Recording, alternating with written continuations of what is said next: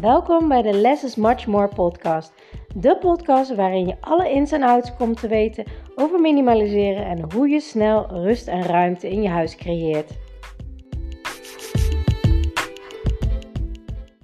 Ontzettend leuk dat je weer luistert naar mijn podcast. En vandaag wil ik het met je hebben over zelfliefde en waarom je eerst spullen gaat opmaken. Ik uh, sta nu in het bos, dus uh, als je wat uh, vogels hoort, dan weet je waarom. Ik heb niet eens een pakiet gekocht of zo, maar ik sta lekker in het bos. Ik heb net de kindjes naar de BSO gebracht. vinden ze ontzettend leuk daar met sporten en activiteiten en zo. Dus ze wilden er heel graag heen. En dat geeft mij ook meteen de mogelijkheid om vandaag lekker te kunnen werken. Um, en uh, mijn coaching school die had ik net. En die heb ik lekker vanuit de auto gedaan, naast het bos. Dus uh, mijn klant zei, hè, wat heb je een mooie achtergrond. ik zei, ik sta in het bos.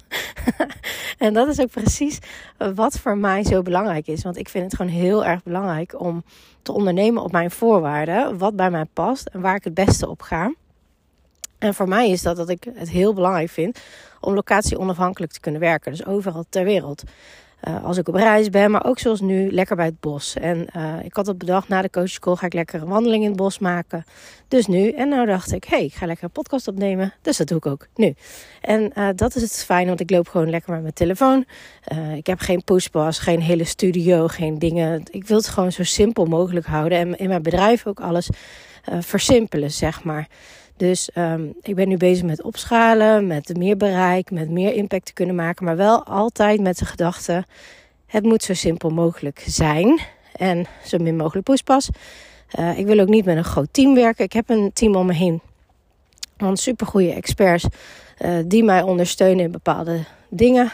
Uh, dus zoals bijvoorbeeld online marketing, technische gedeelte, um, branding. Um, Zoals nu is er een team voor mij bezig om mijn boek helemaal vorm te geven. Een redacteur heeft mijn boek helemaal um, geredigeerd. Um, weet je, dat soort dingen. Dus ik ben wel altijd in mijn achterhoofd maar wat wil ik en wat past bij mij? Want ik weet namelijk, op het moment dat je dat doet, dan kan je ook veel meer geven aan de ander. En uh, ben je er ook veel meer voor de ander. En dat is uiteindelijk het allerbelangrijkste, vind ik.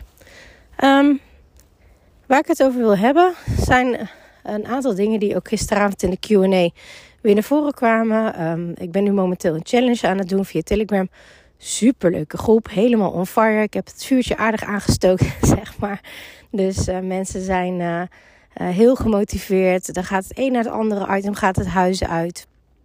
Ik zie de mindset shifts komen, ze echt super tof ook om dat te zien. En dit keer doe ik het in Telegram, omdat ik dan ook voiceberichten kan inspreken. Dat vind ik zelf heel erg fijn. Uh, en zo kan de rest ook meeluisteren wat voor advies ik geef. Nou, als bonus heb ik er nu bij gedaan um, dat ik advies op maat geef op één foto. Dus dat is ook heel erg tof, want dan kunnen mensen meteen een hele grote shift maken. En uh, zo steek ik ook elke keer mijn challenges weer anders in, op een andere manier, met een andere topic, uh, met een andere inslag. Nou ja, dat. En ook leuk om te zien wat daar ook allemaal naar boven komt. Um, met hoe uh, waarom het nog niet gelukt is en wat de shift is. En eigenlijk altijd komt het erop neer dat de skills nog ontbreken en de mindset shifts. Nou ja, die kan je leren. Dus iedereen die nu denkt, oh, het is in mijn huis echt ontploft. Uh, maar mijn business gaat het goed. Maar ja, dat huis, uh, ik heb er ook geen zin om er veel tijd aan te spenderen. Weet dat als je eenmaal die reset maakt en eenmaal systemen bouwt, heb je daarna gewoon zoveel meer tijd over. En dat kwam net ook in de coaching naar voren met een van mijn deelnemers van mijn Minimaliseren 2.0 programma. En ze zei ook van ja, ja, wat moet ik nou doen dadelijk? Ik, ik ben gewoon bijna klaar. Eh, die tijd, wat ga ik doen? En kijk, en dat is het mooie om het dan ook te ontdekken. Dan kan je ook veel meer uit je leven gaan halen. Van ja, maar wat vind ik nou eigenlijk belangrijk? Uh, hoe wil ik mijn tijd indelen? Waar word ik blij van? Welke hobby's wil ik weer oppakken of wil ik nieuw gaan doen? Um, lekker wandelen in het bos, weet je, dat soort dingen. Je hebt gewoon tijd.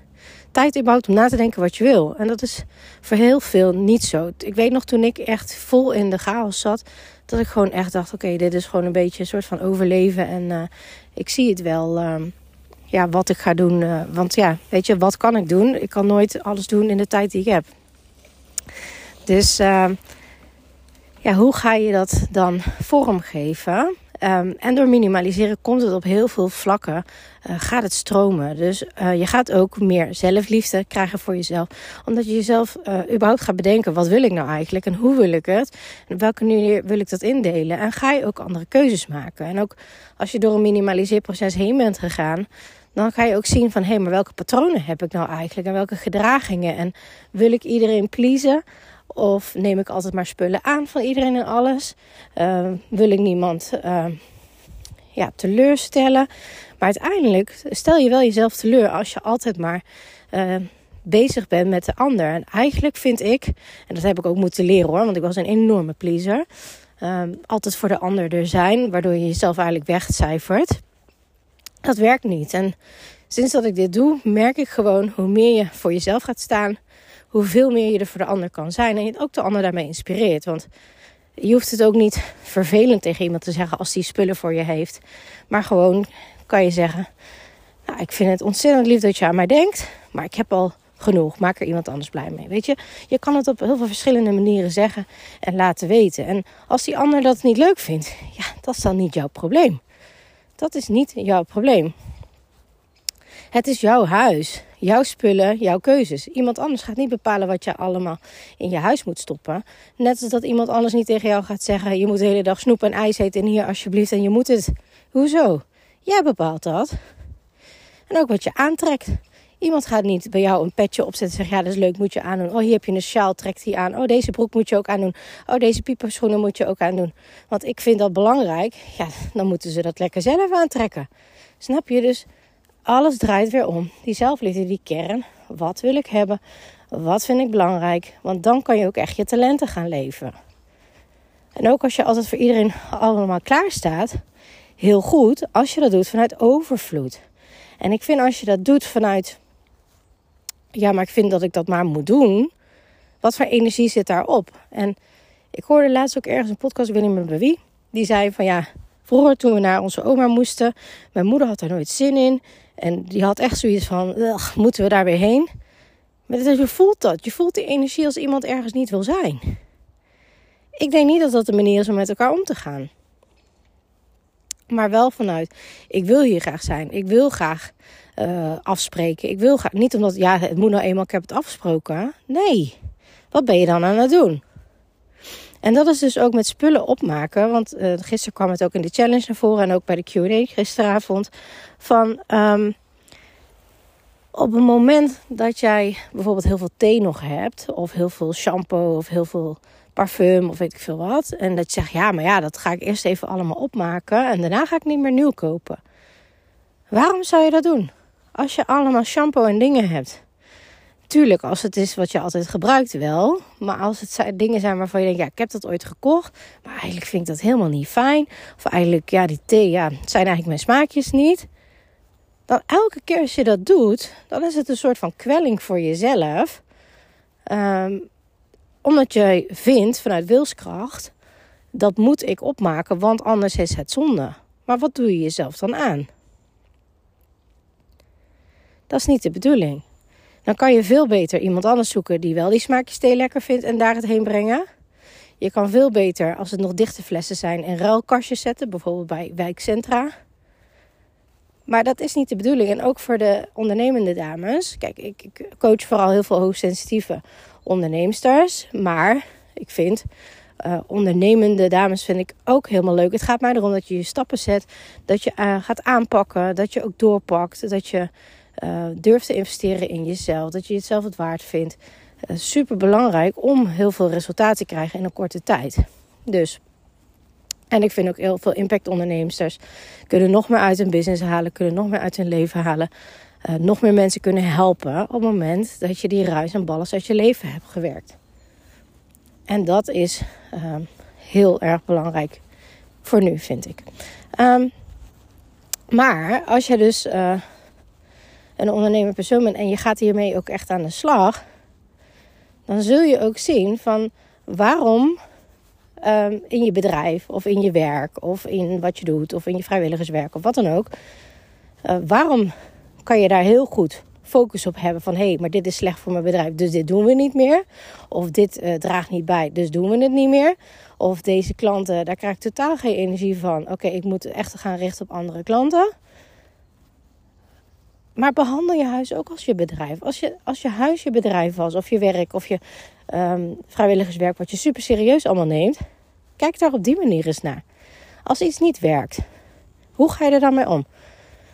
Als iets um, niet zorgt voor groei, waardoor je anderen kan helpen, dan ga je een andere manier zoeken die minder weerstand heeft. Dan ga je een manier zoeken die fijner werkt. Dan ga je een manier zoeken zodat het weer in de flow komt. Dan ga je een manier zoeken waardoor je, bijvoorbeeld ik, um, ik zoek experts erbij die heel goed zijn in wat ze doen. En veel sneller iets kunnen doen als ik. Um, en helemaal het leuk vinden. Bijvoorbeeld mijn administratie besteed ik ook uit. Want ik vind dat niet leuk. Um, dus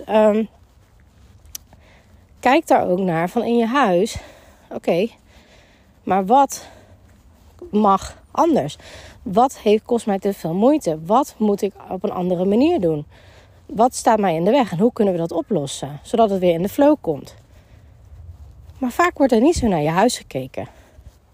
Maar wel naar je business of je bedrijf of je werk of wat dan ook. Dus kijk naar wat is het beste voor jou. Wat is daardoor ook het beste voor je partner? Wat is daardoor ook het beste voor je gezin? En uiteindelijk ga je daardoor heel veel meer vrije tijd krijgen. Waardoor je ook veel meer uh, er voor je bedrijf en je business kan zijn. En veel meer mensen daarmee kan helpen. Want als je nou drie uur aan het opruimen bent wekelijks.